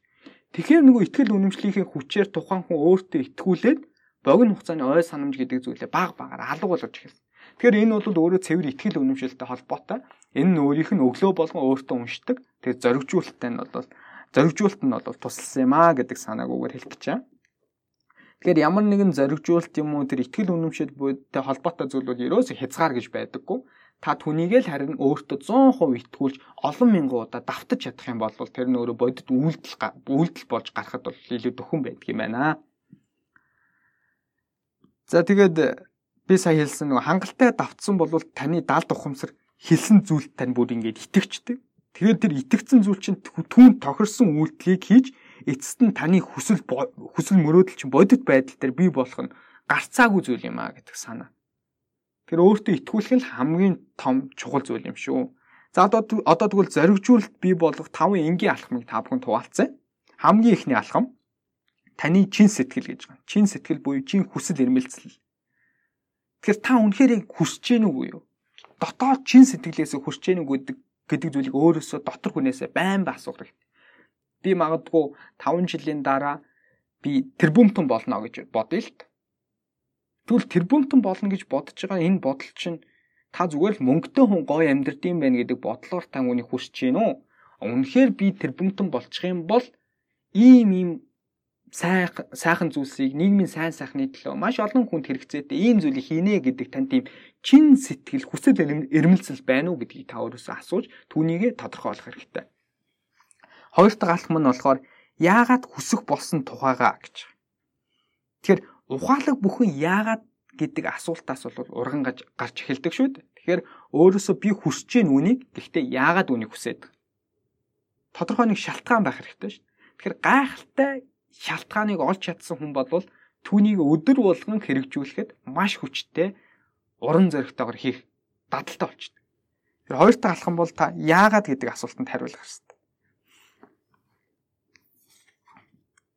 За гурав дахь алхам нь болохоор хэн байхаа хариуцлагатайгаар тодорхойл гэж. Тэгэхээр эндээс л бүх зүйл эхлэн шүүдэ гэдэг нэг үг байдаг. Та ямар нэгэн зүйлийг эхлүүлээд эхний алхмаа хийж байгаа бол тэр өнөөдөр бүх зүйлийн эхлэл байж болно. Өнөөдөр та өөрийнхөө амьдралыг өөр төвшөнд аваачи. Өөрийнхөө хувь нөө хөгжлийг 2 жил, 3 жилийн дараа өөрийнхөө яг сансан хэмжээнд аваачи гэж бодож байгаа бол өөрийнхөө тэр хөгжүүл өөрийгөө хөгжүүлэхэд зарцуулсан тэр асар их цаг хугацаа таны гадаад орчин гадаад орчин чинь өөрчлөхөд л шууд нөлөөлнө л гэсэн яг тэнцүү. Төд хэдий чиний цаг хугацаа зарна төдий чинийгээ таны хувь нөөжл өсөн дэвжнэ л гэдэг санаа.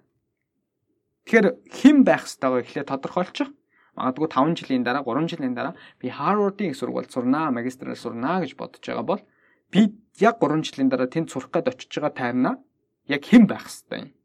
А тэр хэн байх хэвээр төсөөлцсөн бол тэр хэн байхын тулд би юу юу хийх шаардлагатай вэ? Түүнийг би жигсаагаад бичих хэвээр. Тэгээ юу юу хийх шаардлагатай зүйлээ тодорхойлсон юм чинь түүндээ зориулж өдөр болгон түүнийгээ би давтах хэвээр.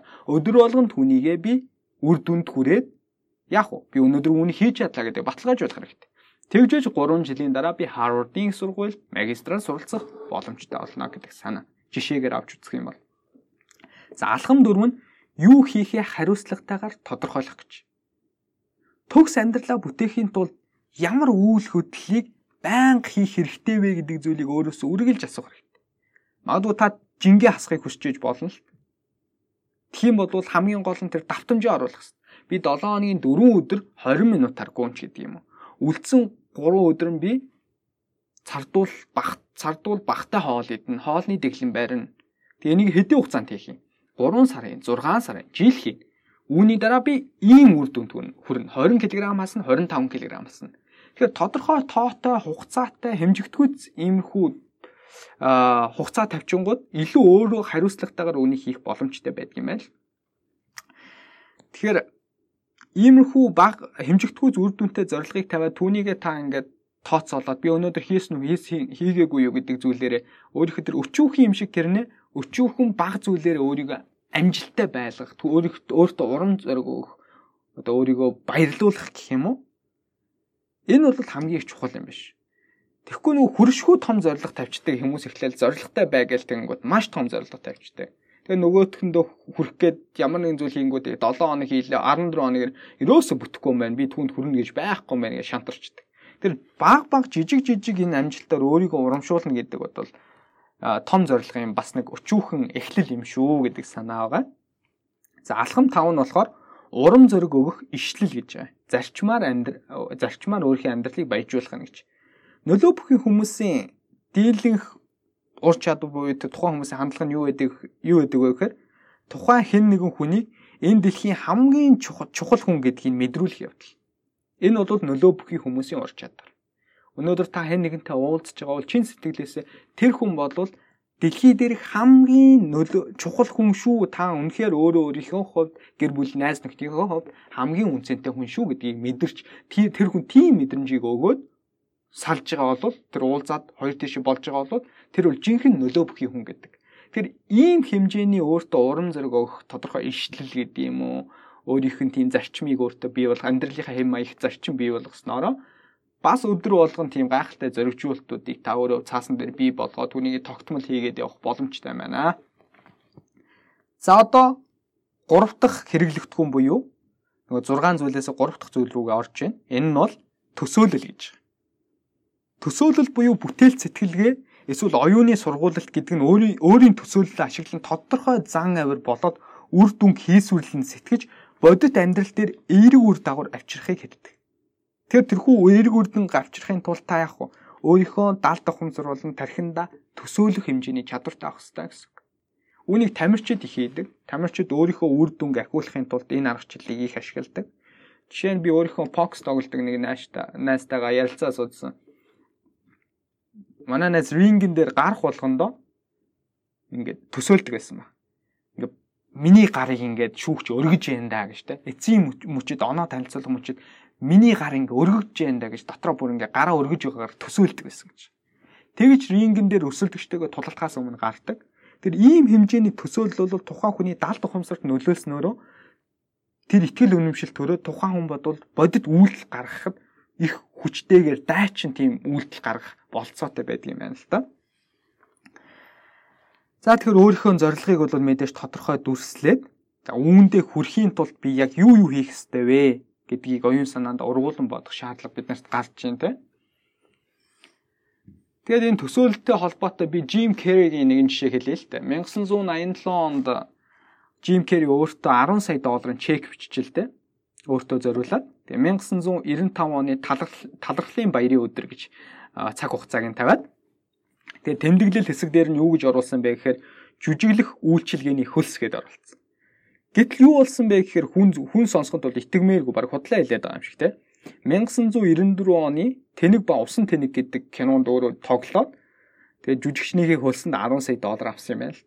Тэгээд ийм бодит байдал нь ингээд хүн харахад нэг ичэдийн юм шиг санагдаж байгаа боловч энэ эргээгээд тухайн хүний даалт ухамсар буюу ихтгэл үнэмшилт нөлөөлж чадсан байхгүй. Тэгэхээр тухайн өдөр юу хийх ёстой байсан тэр бүх зүйлийг өөртөө итгэлтэйгээр бид хялбархан хийж чадчихин те. Тэгээ би ямар баяр хөөртэй байна вэ? Түүнийг л өөрөө дүрсэлж, түүнийг л өөрөө боддоор мэдрэхийг л би төсөөлөл гэж яриад байгаа шүү.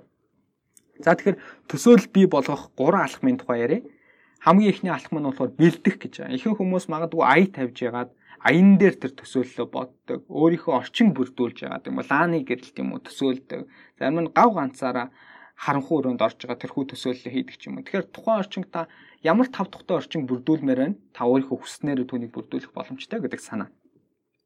Хоёр дахь зүйл нь болохоор чин хүслээ төсөөлөх гэж. Чин хүслээ төсөөлөх нь гэж. Хамгийн гол нь зорьсон зүйлээ гүйцэлдүүр зорилгодоо хүрэх нь ямар сайхан байдгийм бэ гэдгийг л мэдрэх нь чухал байхгүй. Тэр нь энэ хоёр дахь алхам нь. Гурав дахь нь хэн болохоо бас юу хэрэгтэй, юу хийх хэрэгтэйгээ төсөөл гэж хүссэн зүйлээ тодорхой төсөөлснийхээ дараа тухайн төсөөллөө бодит ажил хэрэг болох тэрхүү хүнийг бид нэр бүтээх үйл явцыг одоо ургуулan бодох хэрэгтэй болчих. За ийм зүйлийг хүсэж чинь тэр зүйлийг биелүүлэхийн тулд ийм хэмжээний хүн байна гэд төсөөлчлээ. Тэгэхээр тийм хэмжээний хүнийг бий болох үйл явцыг маш сэтгэл хангалуунаар би гүйцэлдүүлж байна да. Би тийм хүнийг хамтдаа өдөр болгон бүтээж чадж байна да гэдэг тэр баяр баясгал баяр баясгал тэр сайхан мэдрэмжийг өөртөө амандаа амтагт амтагт мэдрэх хэрэгтэй гэдэг санаа. За тэгээ өдөр бүр төсөөлснөөр таны бодол санаа зоригтойт нь зоригтойт нь өөрийн тань зоригтой улам бүр уялдаж өгдөг. Ингэснээр та шаардлагатай алхмуудыг хийх уран зоригтой болж тэрхүү нэг уран зоригоо тогтвортой байдлаар урт удаан хугацаанд хадгалж чадна л гэж. Тэгэхээр төсөөлөл залхуурлыг даван туулж зорилгодоо хүрэх шаардлагатай үйлдэлүүд хийхэд ерөөсө тусалдаг. Бид нар нэг юм хийх гэж тууштай байж чадахгүй урам зориг хэнийг урам зориг надад өгөхгүй л бол ерөөсө хийдэггүй тий. Хэнийгнээс би урам зориг авчмаар нэг үнтэй лекцэнд очиж суучий гэж бодоод байдаг.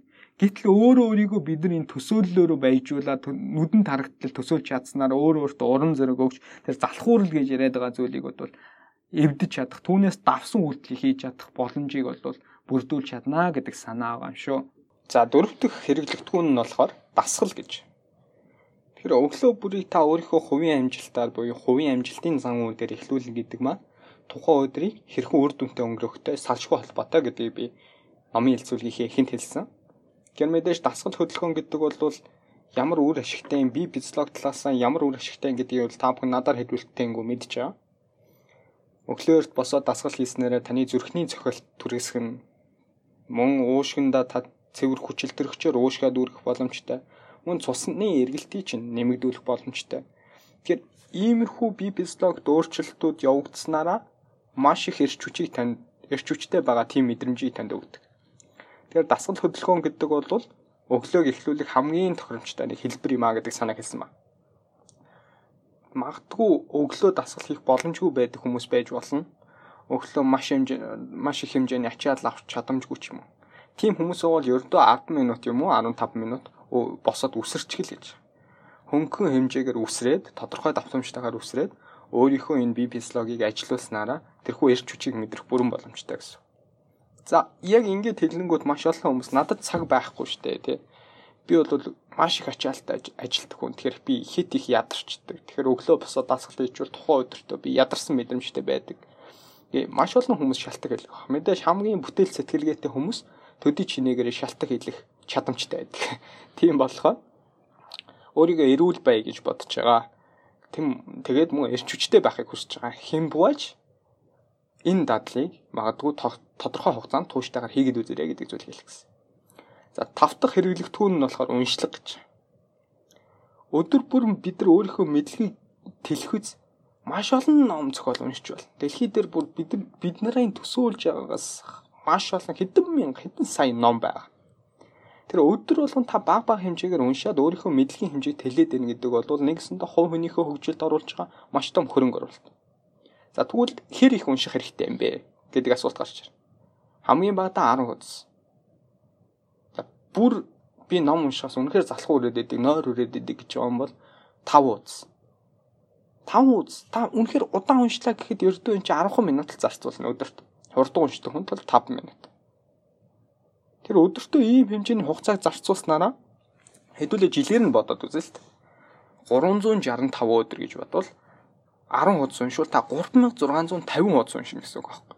Нэгсэндээ хувь хүний хөгжилд зориулсан 200 хуудас бүхийг 18 номыг та уншсан үзүүлэлттэй гэсэн. Тэгэхээр бүхэл бүтэн жилийн хугацаанд 18 ном уншина гэдэг бол энэ маш том үзүүлэлт шүү дээ. Бид бүхэн нэг сарын нэгэнд шин шинэ он эхлэнгүүд өөртөө зорилт тавьдаг шүү. За энэ жилийн хугацаанд тэдэн ширхэг ном уншина. Нэг сард нэг ном гэдэг ч юм. Тэнгүүд 12 ном гэхээр маш том тоо сонсогдоод байдаг шин. Гэтэл зорилгоо харьцангуй бага тавиад өдөр зүгээр 5 юм уу 10 үз ном уншнаа л гэдэг зүг энгийн зорилт тавьчих юм бол та бүхэл бүтэн жилийн хугацаанд өдөр халахсахгүй энэ үйлдэлээ хийснээрээ 18 ширхэг ном унших боломжтой болох нэ гэдэг ийм тоо гарч ирж. За уншихаас өмнө мэдээж төгсгөлийг төлөвлөж эхлэх хэрэгтэй гэдэг санаа байна. Энэ номыг уншсанараа би ямар үр өгөөж авах юм? Энэ номыг хэлэх гээд байгаа санаа нь юу юм? Эцсийн үр дүндээ энэ номыг уншаад би өөрийн амьдралдаа яаж хэрэгжүүлэх юм гэдэг тэр зүйлээ эхлээд тодорхой болгож иж тухайн номыг унших хэрэгтэй. Тийм бол та дуустал ч юм уу тууштай өдөр болгон унших урам зоригтойгоор тухайн үйлдэлийг хийх болноо. За дараагийн та бүхэнд хэлэх зүйл нь номон дээр тэмдэглэл хөтлөх гэж байна. За өмнө нь болохоор би өөрийнхөө номон дээр ерөөсө тэмдэглэл хөтэлдэг байсан. Хайрлж уншдаг байсан. Номынхоо хууцыг хүртэл нугалахаас би нугалахаас бүр санаа зовдөг. Тэгэл уншаал номоо баг шинээр нь хадгалаад байж идэг. Гэвч энэ өөрөө буруу дадлал юм байна гэдгийг би сүүлд ойлгосон. Яг тэгэхээр би ном яах гэж уншиж байгаа юм бэ, уншиж байгаа юм бэ гэдэг зорилгоо тодорхойлоод хэлэхээр би энэ номон дээрээс гол санааг нь авах гэж байгаа. Өөрийнхөө амьдралд хэрэгжүүлэх гэж байгаа. Энэ хүний туршлагаас суралцах гэж байгаа байхгүй.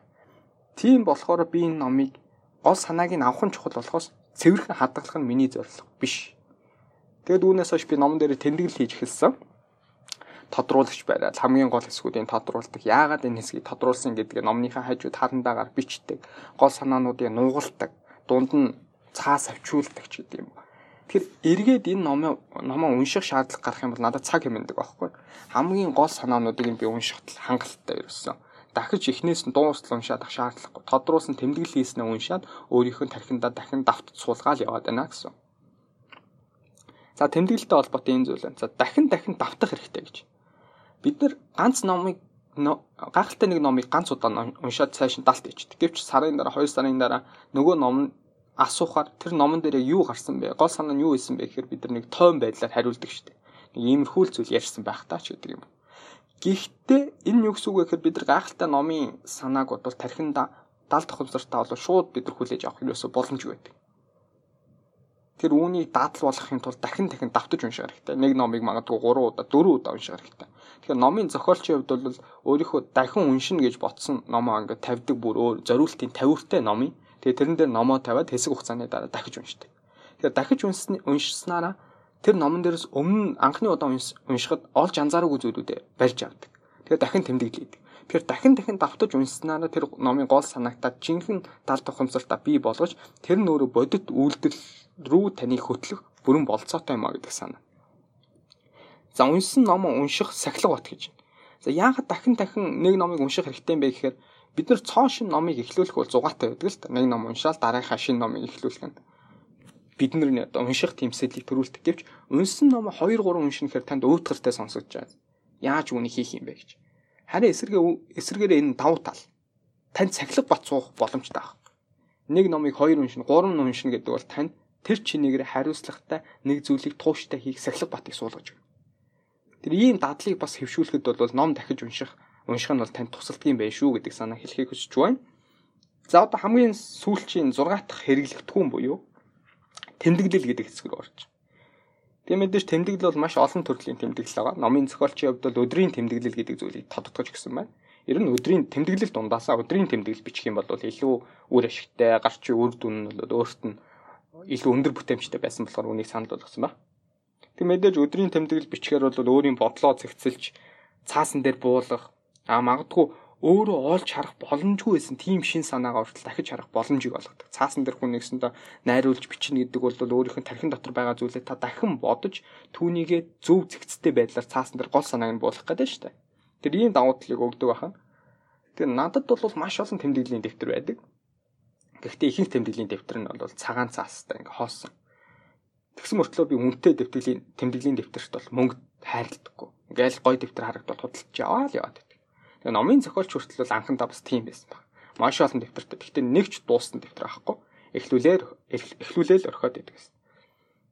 Тэгэхээр өнгөрсөн хугацаанд ингээд бид нар энэ тэмдэглэлийн дэвтрийг яагаад бид ашиглах хэрэгтэй, өдөр болгон тэр зүйлийг яагаад бичих хэрэгтэй гэдэг их гол цаад утга учирыг ойлгоогүй болохоор бид нар зүгээр сэтгэл хөдлөлөөрөө эхлүүлээл орхиод байгаа юм болов гэж би энэ номыг уншаад ойлгож байна л та.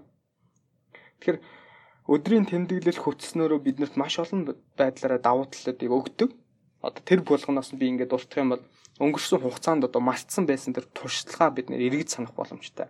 Бүхэл бүтэн 12 сар тэмдэглэлийн дэвтэр хөтөлчөөд 12 сарын 31-ний орой би уншина гэж бодъё л. Тийм бол 1 сарын 1-нд 50 гэдэг хүн ямар хүн байсан? Өнөөдөр ямар хүн байсан? Ямар хэмжээний туршлагыг би хоримтлуулсан? Ямар ямар хүмүүстэд уулзсан? Ямар сургалтанд суусан? өөрийгөө хөгжүүлэхэд хэр хэмжээний цаг зарцуулсан бэ гэдэг бодит дата гараад ирнэ. Өөрийгөө дүгнэх тийм боломж надад гараад ирнэ гэсэн. Тэг өдөр нэг бүрээр дахин амьдэрсэн юм шиг тийм гоё мэдрэмжийг төрүүлнэ гэж. Нөгөө тэмдэглэлийн дэвтэр уншингууд тэр өдөр би яг юу хийсэн, ямар дурсамж үтээсэн, юун дээр алдсан бэ гэдгийг мэдэрнэ гэдэг бол тухайн өдрийн цаг агаараас нь ахуулаад тухайн өдрийн баяртай гонигтай мэдрэмж болгохныг би өөрөө дахин мэдрэх боломжийг тэг өдрийн тэмдэглэл бол олгодог гэсэн санаа. Дараагийн давуу тал нь тодорхой ойлголт бий болгох гэж. Өдрийн тэмдэглэлийг хөтлөхийн тулд бид нар ингээ нөгөө цаасан дээр буулгах гэж хэлсэн шүү дээ. Тэгэхээр тэр бичиж байгаа зүйлийг бид нар 100% өөрөө ойлгож иж цаасан дээр буулгах шаардлага үүсгэр амьдрал тохиолдох янз бүрийн саад бэрхшээлийг даван туулах тэр бэрхшээлийн шийдлийг олох боломжийг олгодог юм байна. Дараагийн давуу тал нь санаа олох гэж. Зөвхөн өнгөрснөө бид нар дүгнэж бичихээс илүүтэй тэр бичиж явах явцдаа ирээдүйд хэрэг болох тэр цоо шин санаануудыг олдог. Тэгээд тэр цоо шин санаануудыг мартахаас өмнө цаасан дээр буулгах тийм боломжийг биднэрт өгдөг. Дараагийнх нь сургамжаа сэргээх гэж. Оби хэлсэн түрүүнд өнгөрсөндөө алдсан алдаа оноогоо дэнслэхэд бид нар туслана гэж.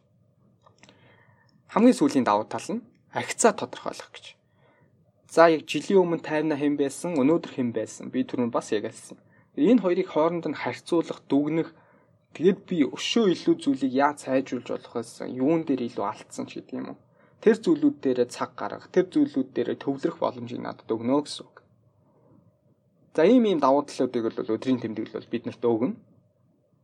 Харин өдрийн тэмдэглэлийн нэг хүмүүсийн олж анзаараад байдаггүй хүнд тусалдаг нэг зүйл нь юунд нь илүү хүнд туслаад байдаг юм бэ гэхээр зааг төвтэй байдал гэдэг зүйл. За зааг төвтэй байдал гэхээр өндөр бүтээмжтэй амжилттай яваа хүмүүсийн нэг том дутагдал байдаг. Тэр нь юу вэ гэхээр өөрийн амжилттай яваагаа юм уу амжилт бүтээлээ ерөөсө чамладаг. Тэгээ алдаа гарах бүрт өөрийгөө буруутгадаг. Тэгээ өөрийгөө гоолдог.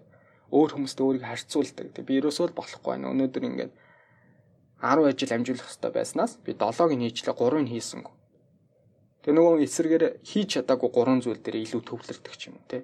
Гэтэл наа бүхэл бүтэн 7-ог зөв хийчихэд хахад ягаад тэр хүн тэр амжилтанд урамшихгүй. Ягаад тэр хийгийг хийж чадаагүй 3 зүйлээсээ боч тухайн өдрийг стресстэй, сэтгэлийн зовнилтай ямар нэгэн таашаал авахгүй авахгүй өнгөрөөгд. Тэгэхээр энэ зааг төвтэй байдал гэдэг бол өндөр бүтээмжтэй хүний хамгийн том сул тал. Тэгэхээр ягаад би үүнийг яриад байна гэхээр тэмдэглэлийн төвтөр энэ зааг төвтэй хүмүүст илүү тусалдаг. Та тухайн өдөр хийсэн зүйлүүдээ ингээ бичингүүч бодож байгаа цэгцтэй бичиж шít. Тэгэхээр өөртөө дүгнж шít. Би өнөөдөр ямар их ажлыг амжуулсан юм бэ? Харин эсэргээрээ өөрийнхөө тэр хийсэн зүйлүүдэд талархах, өөрийн эргэн тойронд байгаа хүмүүстэй баярлах, тэр хүмүүстэй өөрийнхөө баярлсан, талархсан тэр хүмүүс сайн сайхныг хүсэх зүйлүүд дэвтэр дээр бичиж эхэлж байгаа юм л. Тэр амжилттай байсан дээр амжилттай яваадаа талархна гэдэг бол түүнээсээ илүү байх боломжтой өнөөдрөөс илүү өөрийгөө сайжруулах боломжтой гэдэг тийм өнцгөөс харахад туслах хэрэгтэй. Тэгэхээр мэдээж хийгээгүй зүйлээсээ илүү амжилттай зүйл дээр төвлөрснөөрөө маргааш нь өнөөдрөөсөө илүү үйл явдлыг илүү байх тийм боломжийг танд өгнө л гэсэн санаа. За одоо ингээд 6 хэрэглэгдэхүүнүүдийг бол та бүхэнд бүгдийг танилцуулчлаа. Тэгэхээр өглөөний гайхамшиг гэдэг гэж юу хэлээд байгаа юм бэ гэхээр яг энэ 6 хэрэглэгдэхүүнийг л та өөрийнхөө амьдралын хэм маягт хэвшүүлэхийг л хэлээд байгаа. Номын гол санаа буюу номын нэр ч өөрөө яг л энэ агуулгыг гаргаж ирэхийг хүссэн. Тэгээ номын зохиолчийн хувьд бол танд жишээ болгож 60 минутын хугацаанд энэ 6 хэрэглэгдэхүүнийг яаж хийх вэ гэдэг жишээ гаргаж өгсөн. Тэгэхээр хамгийн эхлээд нам гүн байдал хийдэг өглөө босоод 5 минут. За хоёр дахь нь зоригжуулалтыг 5 минут, төсөөллийг 5 минут, дасгал хөдөлгөөн 20 минут, үншлэг 20 минут, тэмдэглэл 5 минут гэж. Тэр энэ бол зөвхөн зохиогчийн, зохио номын зохиолчийн бол өөрийн гаргасан жишээ. Тэгэхээр та үүнийг яаж ч өөрчилж болно? Байрлалын сольж болно. Зарим хэрэглэгдэхүүний тийм хугацааг нь уртасгаж болно, богиносгож болно. Та өөрөө үүн дээр тоглолт хийх боломжтой гэсэн. Өөртөө тааруулж, өөрийн амьдралын хэмжээтэй тааруулж үүнийг та өөрчлөх бүрэн боломжтой гэсэн. Тэгээ мэдээж амар хэлбэр эхэлдэг зүйл гэж хэл ерөөсөө байхгүй. Шин туршлага бүхэн бол эхлээд маш таагүй мэдрэмжийг бид бүхэн төрүүлдэг. Гэхдээ та хэдий ч нэ давтаж чадна, төдий ч нэ гарцд нь орох болно гэдэг гоё байдаг. Тэгэхээр та үүнийг 10, 20, 30, 40 хоног магадгүй тасралтгүй хийгээд төдий чинээ давтаж ижил таны тохомсор болон таны амьдралын хэм маягт гүн шингэж орж ирэх юм шүү гэдэг санаа хэлхийг хүслээ. За тэгээ номынхон төгсгөл аа Үүнээс цаашлаад нэг зүйл аа. За 60 минут одоо ингээд хийх жишээ өгчөж штэ номын зохиолч нь. Тэгтэл үнэхээр завгүй амьдралын хэм маягтай тийм хүмүүс байж болно шүү дээ. Үнэхээр өө 60 минут би өдрийнхөө хугацаанд 24 цагаас зарцуулж чадахгүй гэдээ магадгүй энэ номыг уншихаа болоод хаях хүмүүсээс сэргийлээд тэр хүмүүс зориулж 6 минутын өглөөний гайхамшиг гэдэг дадлыг бас боловсруулсан номын зохиол. Тэгэхээр энэ 6 минутын дадал гэдэг нь юу вэ гэхээр өөрийнхөө амьдралынхаа тэр хэм маягт тохируулж та үүнийг өөрчлөх боломжтой гэсэн. 6 минутын дотор энэ 6 хэрэглэгдэхүүнүүдийг хийх боломжтой гэдэг санаа. За үүн дээр хүмүүс нэмж нэг зүйлийг тодруулж асууж магадгүй За тэгвэл өглөөгөр бид нар босоод өглөөний цай буюу юу идэх вэ, хэзээ идэх вэ гэдэг нэг зүйлийг бас хүмүүс асуух асуух ба. Тэгэхээр энэ 6 хэрэглэгдэхүүн хийхээсээ өмнө идэх үү, дараа нь идэх үү гэж. Мэдээж их хэмжээний хоол идэх эзний идэх нь тухайн тэр хоолыг задлах процесс явагддаг болохоор та төдий чинээгээр энерги зарцуулах шаардлага үүсдэг.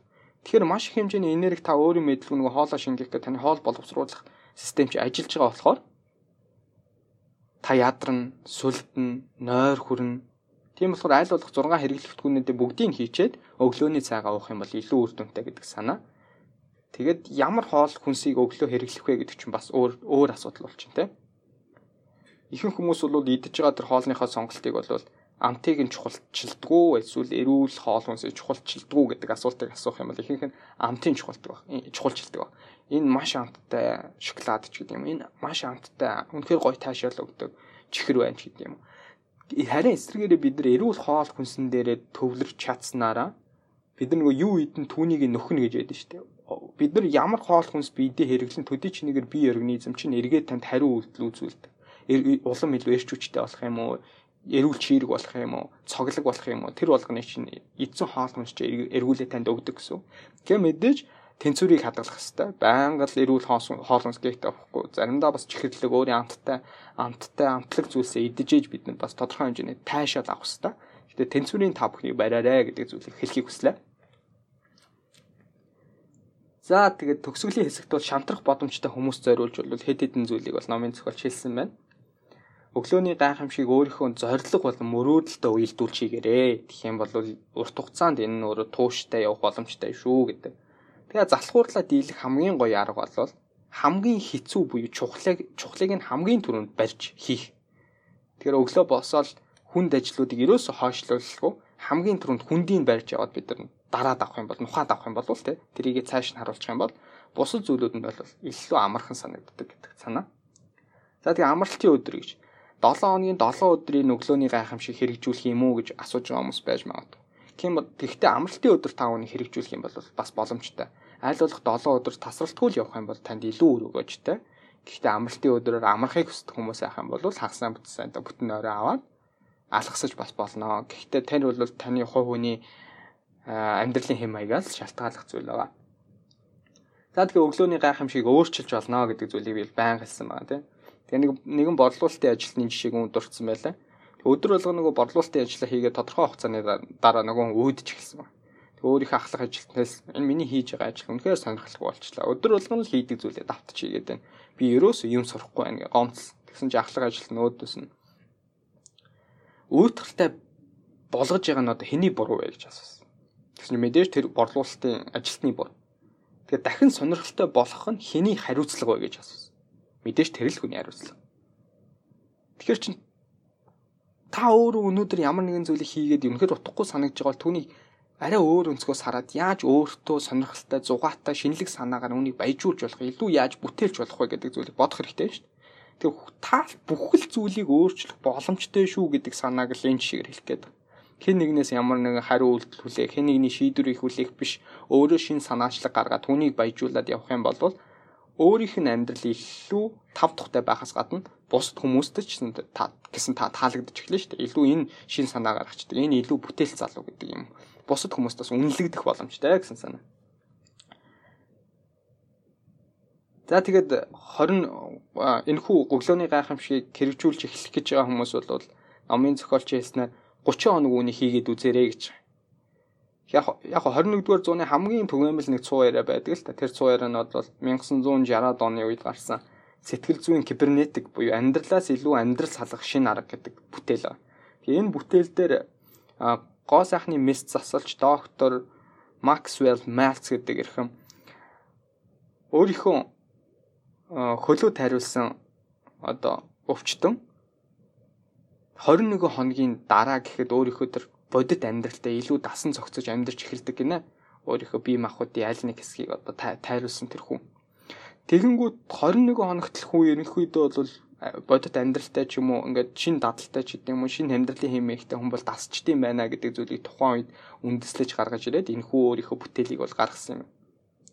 Тэгээ тэр цаг үеэс л энэ 21 хоногийн дотор бол шин дадлыг бол хэвшүүлэхэд бол боломжтой гэдэг цуу яриа бол гарсан. Харин номын зохиолч бол 21 өдөр гэхээс илүү 30 өдрийг сант болгосон байна. Тэгээ өдөр 1-ээс 10 нь бол 1-р шат гэж байна. Төвчшгүй үе гэж нэрлсэн. За өдөр 11-ээс 20 нь болохоор 2-р шат буюу тааламжгүй. За 21-ээс 30 дахь хоног бол өөхгүй үе гэж. Ингээ 3 салгаад 30 хоногийн юм сорилтыг бол та бүхэн санал болгоод илүү дэлгэрүүлсэн байна. За тэгээ энэ хүртэл номын хэлцүүлэгтээ хамтдаа байсан та бүхэнд маш их баярлалаа. Өнөөдөр хэн байснаа мартаж хэн болохоо шийдэрэй гэж та бүхнээс хүсмээр байна. Тэгээд таны одоо байгаа байдал тань өмнө нь хэн байсны чинь л үр дүн шүү дээ.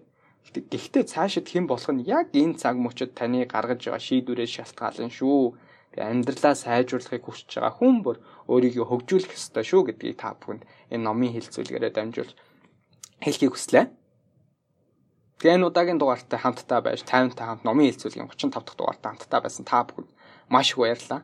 Хэрвээ энэ удаагийн дугаараас та уран зориг, эрч хүч, бусад хүмүүс түгээхийг хүсэж байгаа, найздаа хэлхийг хүсэж байгаа, энэ дугаарыг сонсуулахыг хүсэж байгаа бол миний Instagram хаяг болох таймна би гэсэн Instagram хаягийг меншн хийгээ та бүхэн над руу сэтгэлээ ирүүлээрэ, өөрийнхөө story хийгээрэ, Facebook дээр share хийгээрэ, маш олон хүмүүс түгээгээрэ. Тэгжиж бид нэр уран зоригтойгоор дараа дараагийнхаа шинэ дугааруудыг, шинэ контентуудыг та бүхэндээ хүрэхтэй туйлын их баяртай хахалнаа. Ингээд өдрийг эрч хүчтэй өнгөрөөцгөөрэй.